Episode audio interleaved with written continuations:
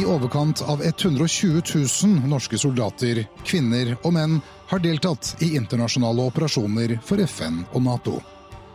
Norske soldater har utvist stort mot og profesjonalitet i krevende situasjoner. De har tjenestegjort på land, til sjøs og i luften. Noen kom ikke hjem. Andre fikk fysiske eller usynlige skader. Noen få er blitt hedret og æret som krigshelter. Felles for alle er viljen til å yte det lille ekstra for at andre skal få nyte den freden og friheten vi andre tar for gitt.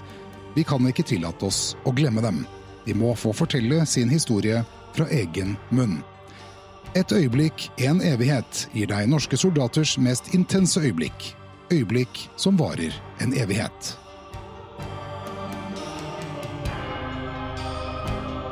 Skal være så godt trent og så godt forberedt at vi kan krige.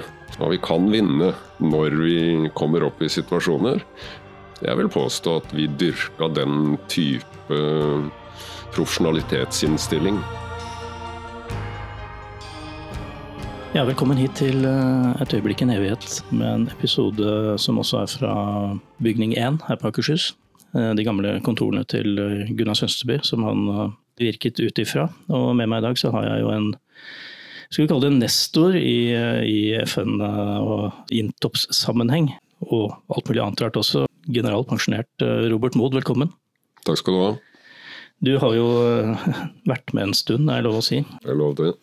Og, i, og vært en veldig tydelig og markert skikkelse i både i samfunnsdebatten og spesielt da i forsvarssaker gjennom en årrekke. Når vi sitter her nå i, i de gamle kontorene til Gunnar Sønsteby, har du noe forhold til disse, disse som gikk foran oss under annen verdenskrig? Ja, det har jeg nok. Jeg ble ikke veldig godt kjent med Kjakan, men uh, vi rakk noen, uh, noen, samtaler i den perioden hvor jeg fikk lov til å fornye og, og prøve å sørge for at veteranene ble tatt bedre vare på. Mellom et par oppdrag i Midtøsten så hadde man samtaler med han, men så hadde jeg også folk i familien som uh, ja, Georg Solheim på Lønnerusten han hadde jo som svigerfar i mitt forrige ekteskap, hvor han styrta fram og overtok maskingeværet på Lønnerusten. Og vi hadde mange mange samtaler om nærheten til, til, det som skjedde. Og så da jeg var i marinekorpset i USA, så hadde jeg jo et av prosjektene mine var å fortelle og begrunne hvorfor slaget om Narvik uh, var så viktig i en operativ sammenheng. Og dette med hvor mye tonnasje tyskerne mista utenfor kysten, og hvilken betydning det fikk for invasjonen eh, vestover av Hitler-Tyskland ikke så lang tid etterpå.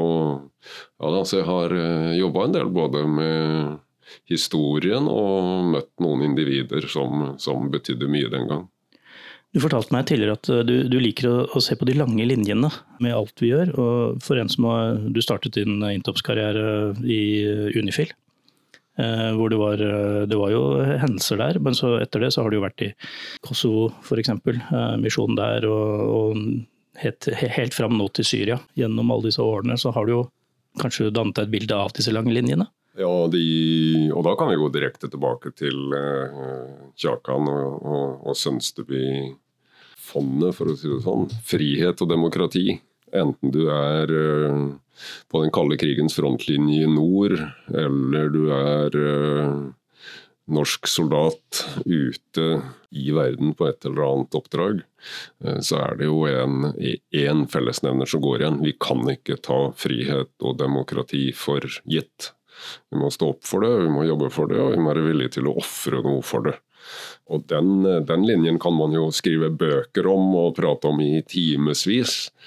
Men det er jo det det handler om i bunn og grunn. De, det, er det, de, det, er det de unge bidrar til mens vi sitter her uh, i Afghanistan, i Irak, og de som står på grensa i nord og ser østover. og Det jeg savner på sett og vis i den norske offentlige debatten, det er jo at vi, eh, vi i den debatten tar stilling til uh, hvordan ivaretar vi Norges frihet, selvstendighet, og hvordan sikrer vi demokratiet? Hvordan fornyer vi demokratiet? I tillegg til den fantastiske jobben soldatene våre gjør hver dag, da. Ja, for det er ikke noe tvil om at eh, vi hver dag må jobbe for å bevare den friheten og den, eh, den måten å leve på som vi, som vi, er så velsignet med å ha her.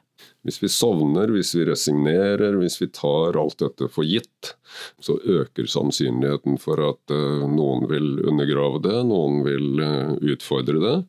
Og det mister, mister sin egenverdi også, så dette må holdes i live. Det er her må ungdommen ta stilling. Jeg har sagt et par ganger i det siste at jeg ønsker meg et ordentlig ungdomsopprør. Eh, hvor de fillerister litt eh, min generasjon og, og, tar et eierskap til sin egen fremtid. Eh, det er jo på sett og vis også en inspirasjon som går tilbake til Kjakan sitt liv og virke. Hvis vi hopper litt hitover fra annen verdenskrig, så Du var jo allerede etablert i Forsvaret da du dro til Unifil, til, til Norbat som offiser der nede, så havnet du jo i en eh, du, du kom ned mens det var en, en ganske alvorlig incident eh, gående, som du, du tar frem rett som det er. Ja, det, mm, det som for meg står igjen etter uh, Unifil-perioden, det er jo at Norge fikk på sett og vis mye mer igjen enn de fortjente, i form av uh, hvordan de, de, trente og utrusta Unifil-soldatene. Men jeg var uh, major operasjonsoffiser i kontingent 23 og kontingent 24. Uh, og vi kom ned i en situasjon hvor bataljonen var relativt passiv, syns vi da. Og i en situasjon så åpna vi jo virkningsild på 4-2 Bravo ved innkjøringen til uh, Saki. og Da ble en uh, SLA-soldat drept i det sammenstøtet av våre kuler. Og vi venta jo på en gjengjeldelse, og vi vet ikke om det var det det var, men uh, en mørk natt med dryppende svart regnvær og sirissene sin øredøvende lyd, så var det en av våre patruljer som var på vei ned mot Borås, som mange Unifil-soldater vil, vil, huske, denne lille landsbyen ned mot Litani. og De gikk da inn i et godt forberedt bakhold. Og det som alltid, så selv de som var på stedet, eh, vil oppleve, vil erindre hva som skjedde og, og, hvorfor det skjedde på forskjellige måter. Men det jeg har tatt med meg, da, det er at um, det var for meg en påminnelse om at uh, hvis du ikke trener uh, knallhardt og realistisk, uh, mest mulig realistisk på sammenstøtstrid hjemme, så kan du risikere at det koster deg dyrt ute. Vi vil aldri vite om, om det hadde noen betydning i dette sammenhengen, men for meg så så jeg for meg at den patruljen var ikke 100 påskrudd kanskje i forhold til det å skulle gå inn i et bakhold og, og måtte gjensvare i et bakhold da med maksimal ild eh, direkte og sånt. og Det, det krever et treningsnivå som er, eh, som er høyt. Og, så Det har vært motivasjonen for meg i mange mange år etterpå. At uh, vi skal iallfall trene så hardt og så realistisk som soldatene fortjener, slik at de kan gå inn i bakhold, eh, vinne, ta tilbake initiativet, overleve og gå videre. Og så lykkes man eh, ikke alltid, men eh, det å ha det som målsetting. Marinekorpsets slagord om du vil, 'you fight as you train', som jo illustrerer uttrykker den der ugne magefølelsen som jeg tror de hadde, de som var på vei ned mot Borås, og som jeg har, har også opplevd i andre sammenhenger. Når, når, du ser at det går galt i en situasjon, og skjønner med hele kroppen at det er fordi at uh, her har du egentlig ikke trent hardt nok og godt nok. Det er tydelig når jeg hører på deg at du, du har tatt med deg det videre. Den, den, incidenten vi snakker om, det var der Rune Oppland falt. Det stemmer. Var det også noe du hadde med deg da du begynte å, å etablere Telemark bataljon i sin tid? Ja, helt åpenbart dette med at du må trene så hardt og så realistisk at du er forberedt på det uventa og, og, og, kan vinne i en kampsituasjon. Det har vært med siden at jeg ble født for meg veldig, veldig direkte etter den uh, tragiske hendelsen som hvor Rune Oppland uh, mista livet.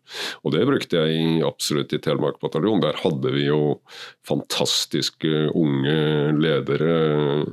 Rune Wenneberg husker jeg godt, jeg husker Fossland, jeg husker uh, Håkon Vare. Det er mange. Jeg kan prate på inn- og utpust i et par timer for å få med alle navnene, men poenget er at der var det en del unge ledere.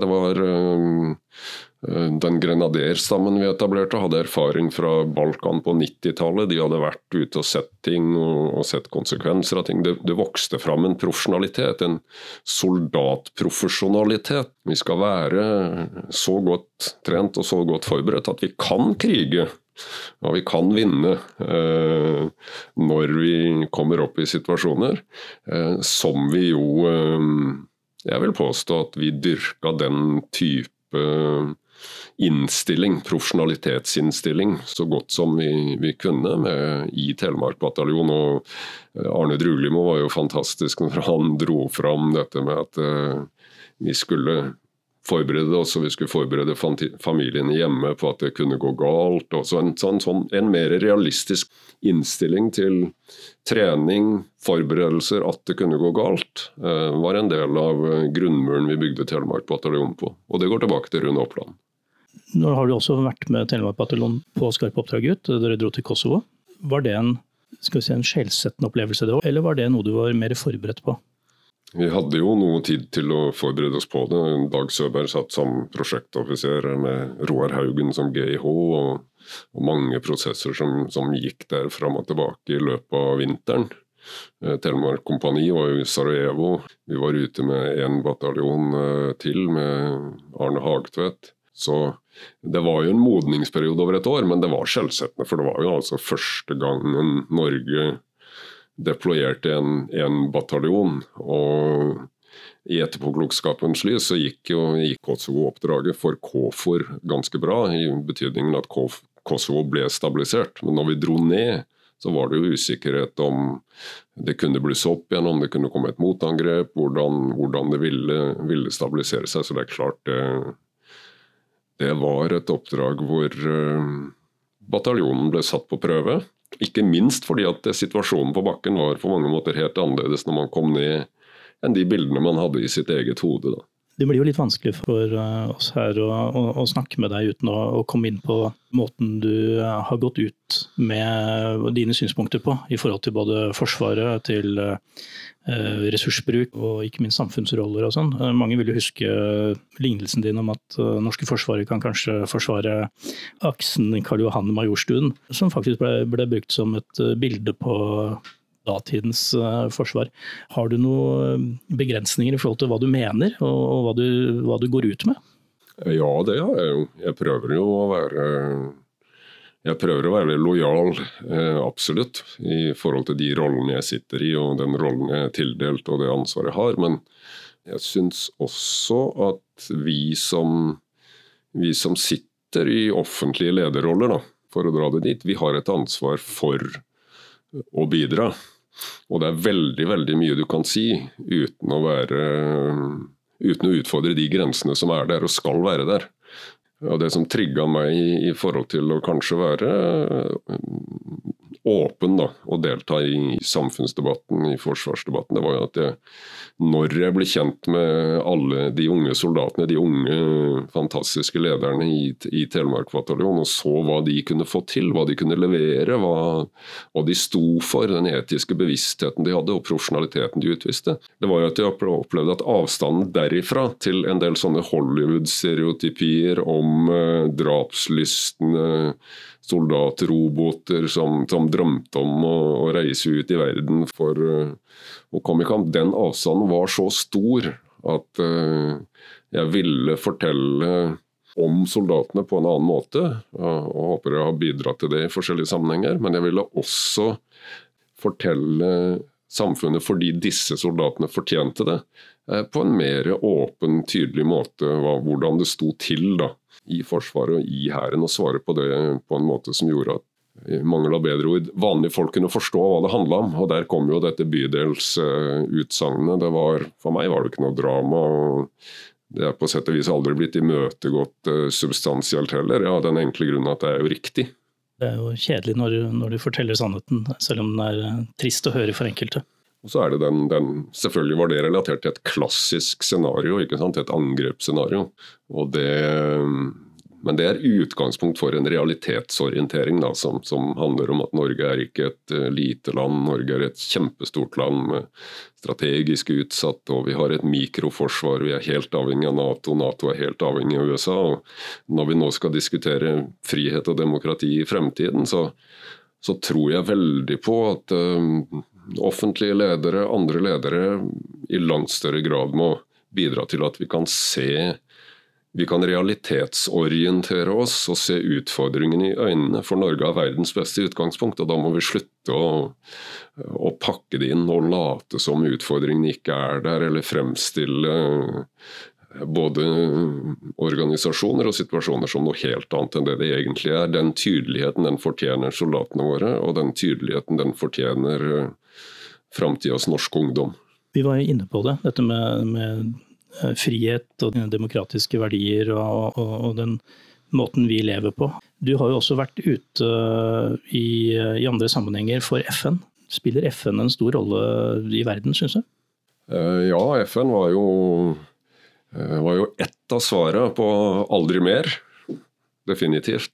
Ironisk nok i disse dager, Woodrow Wilson sine 15 punkter under første verdenskrig, hvor han allerede da så at uh, vi kan ikke tillate denne type enorme tragedier å, å skje igjen. Så ble det Folkeforbundet på begynnelsen av 20-tallet, og etter andre verdenskrig da, så, så, ble dette etter hvert til FN. Så FN, Stål- og kullunionen, som ble EU, Nato var jo alle organisasjoner, og det er flere som var, var svaret på da at de tragediene vi så på begynnelsen av det 20. århundre, de måtte ikke få lov å skje igjen. Og Da prøvde man å skape et forpliktende internasjonalt samarbeid, som da skulle bringe verden videre i en fredelig utvikling. og Ideen var at du skulle ha en autoritet over nasjonalstaten, som skulle kunne da beskytte de små. og Det skulle ikke være penger og militærmakt, rivalisering mellom stormaktene, hvor de små statene var kasteballer. Det skulle være kjøreregler og en overnasjonal autoritet. Det vi ser i dag, det er jo dessverre at denne overnasjonale autoriteten er i ferd med å kollapse.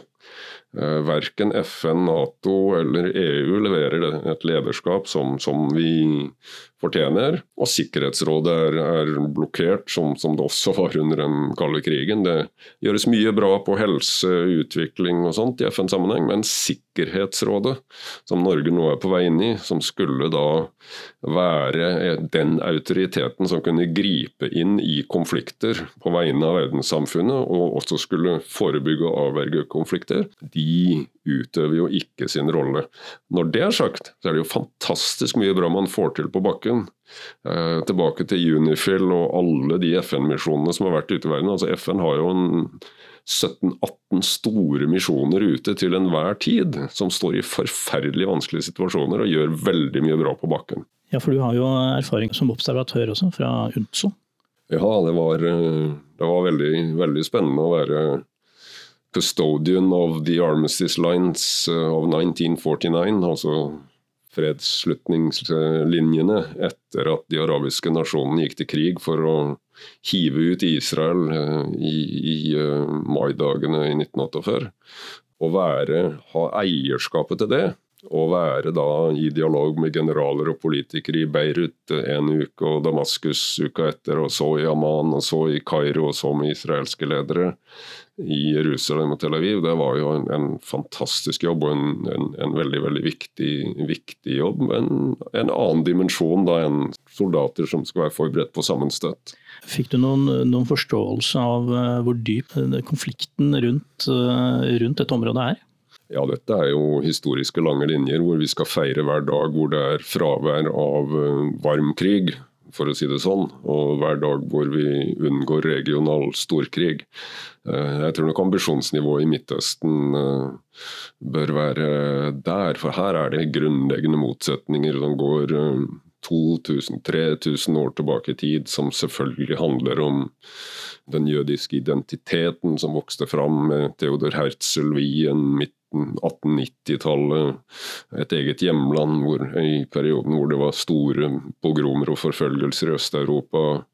Og så har du selvfølgelig religionene som blir brukt til i konfliktsammenheng, gjerne av politikere. Det er ikke den grunnleggende årsak, etter mitt syn. men Islam kom jo 600 år etter den religionen de fleste, de fleste, i Norge på en måte kjenner fra dette området og har med seg fra søndagsskolen. Og så har du Iran i rivalisering mot Saudi-Arabia, forskjellige versjoner av, av, islam. Du har Tyrkia sine eh, ambisjon, nye ambisjoner i området. Du har stormaktene som har eh, blander seg inn. Så her er det lag på lag på lag på lag med konfliktstoff som gjør at eh, hver dag som går med fravær av regional storkrig, er egentlig en seier.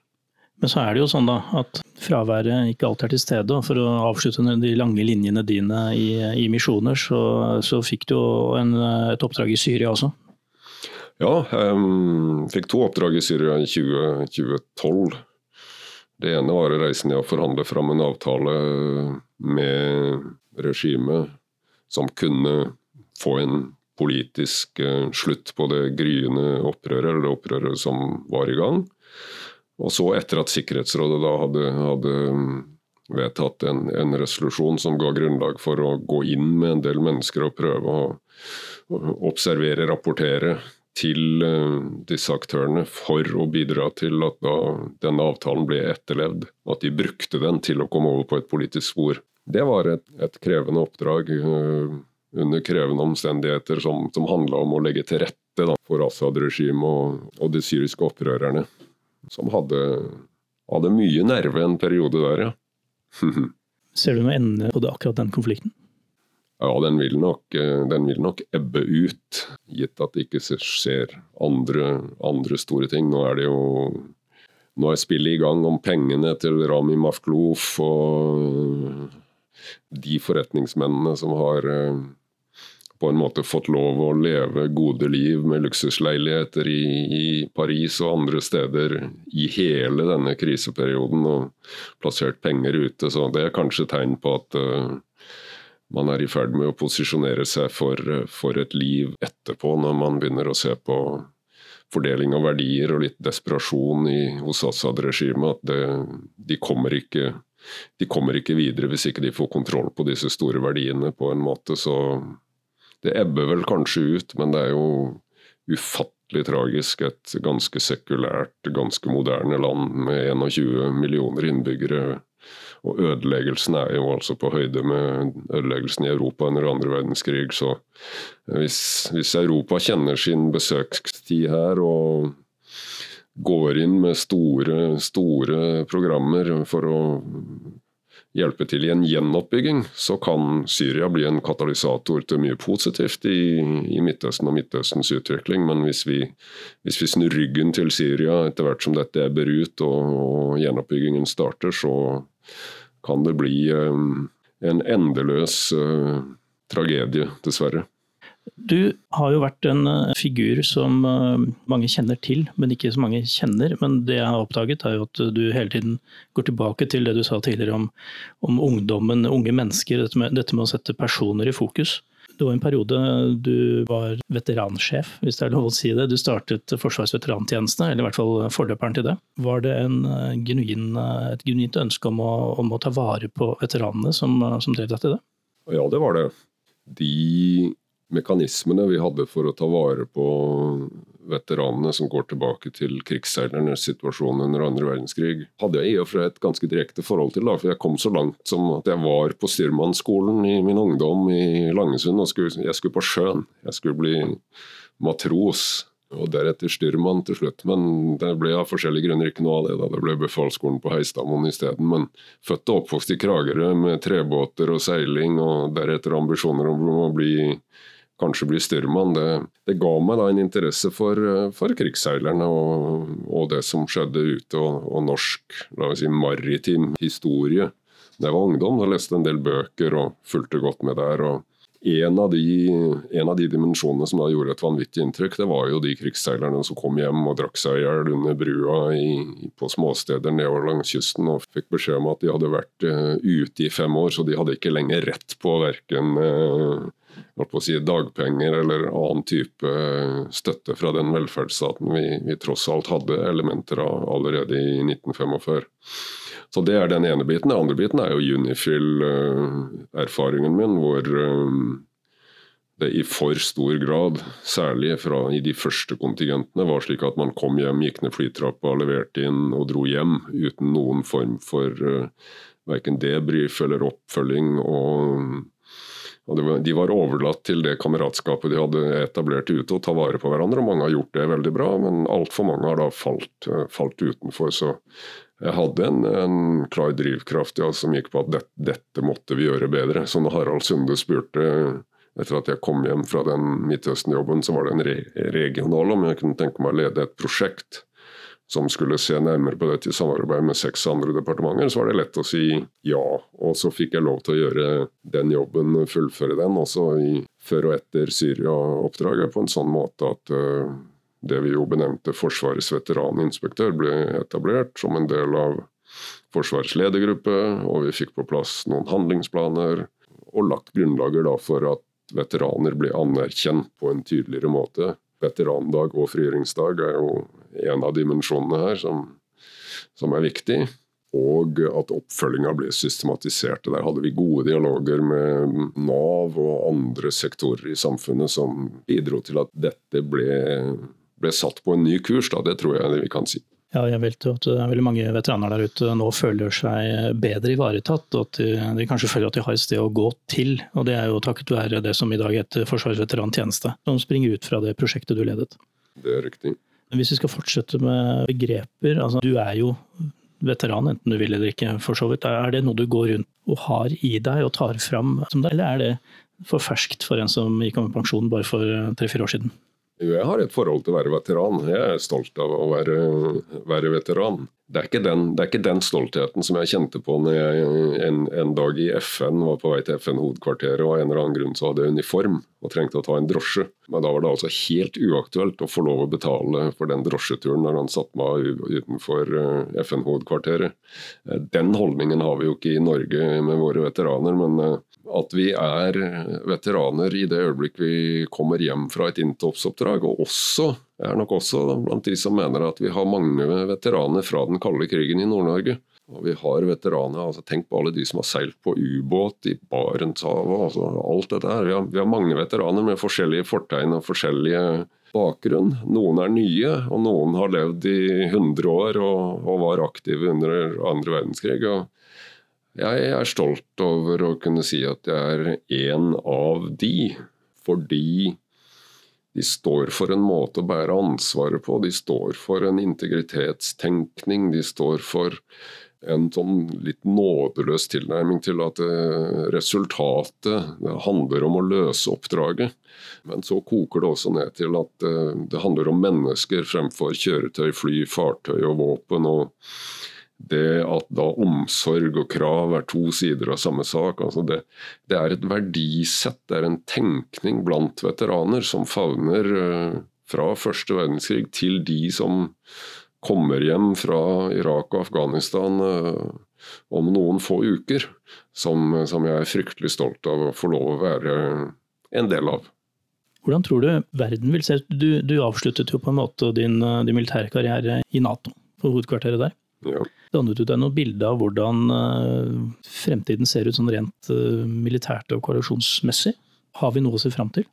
Om vi har noe å se fram til i militær forstand, eh, hvis jeg tolker det som hvorvidt den sikkerhetspolitiske situasjonen, hvorvidt, vi, hvorvidt man kan være optimist og tenke at vi kommer til å bli veldig mye tryggere med det første, så er jeg nok ikke så veldig optimistisk der. Eh, USA, som definitivt er ryggraden i Nato, det handler om både kommandokontroll og logistikk og andre kapasiteter.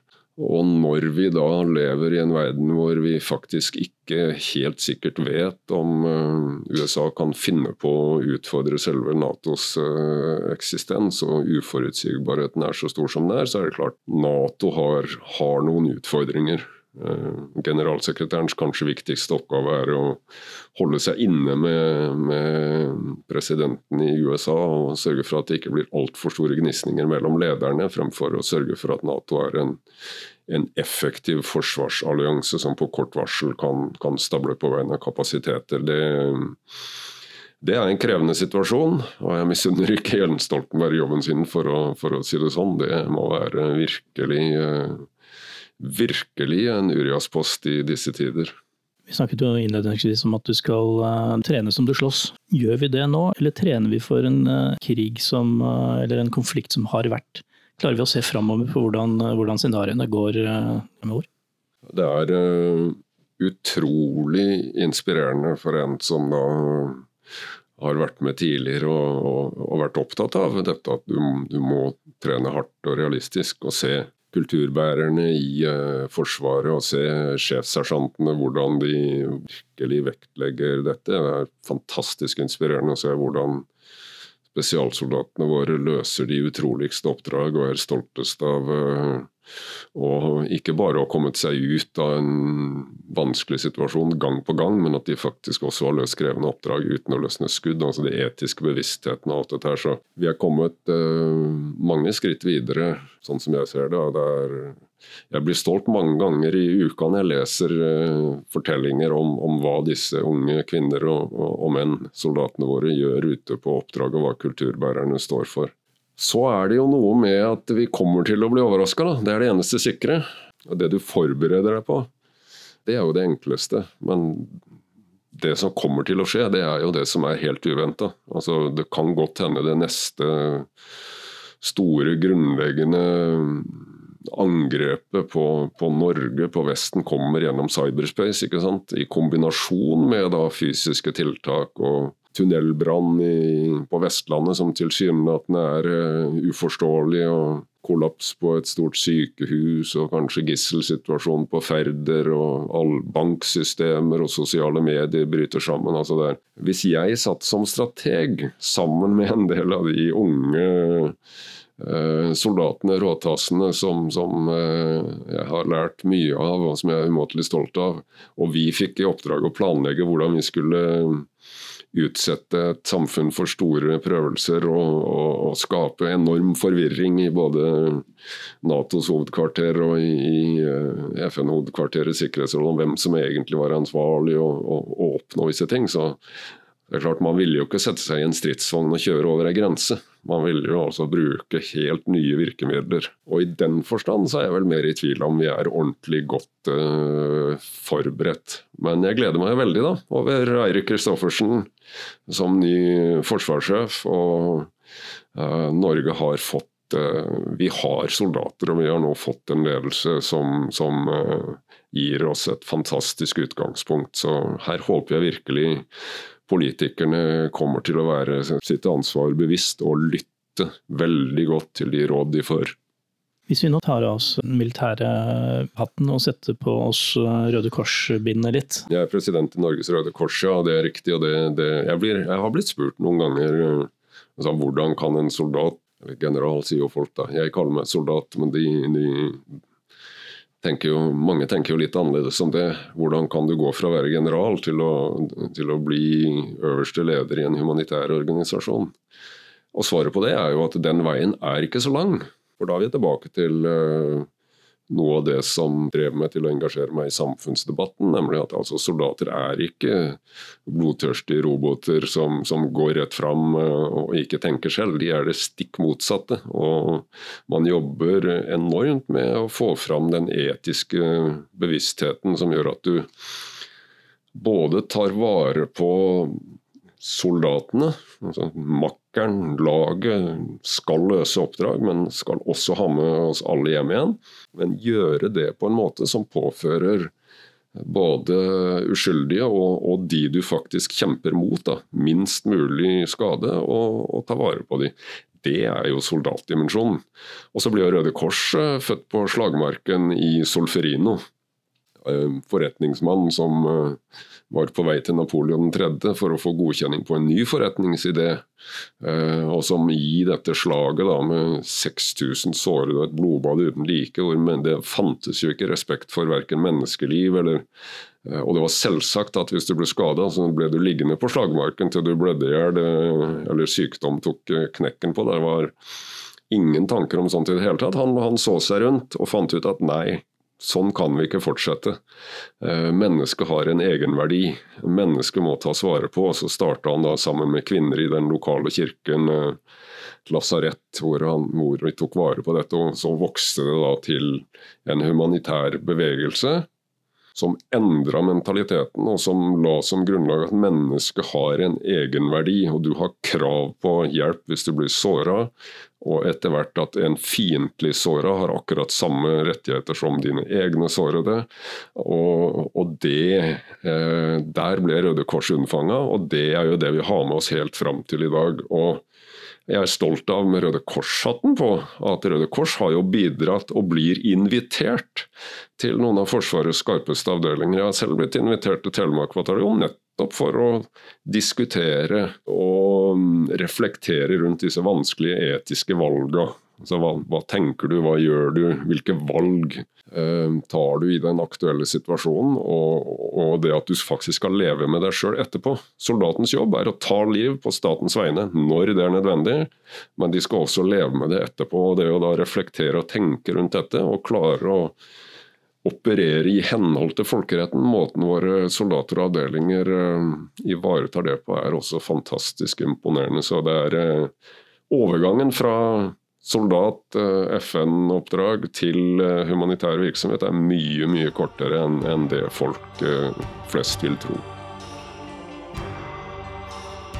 Dette er en av mange unike historier om selvoppofrelse og mot fra våre soldater.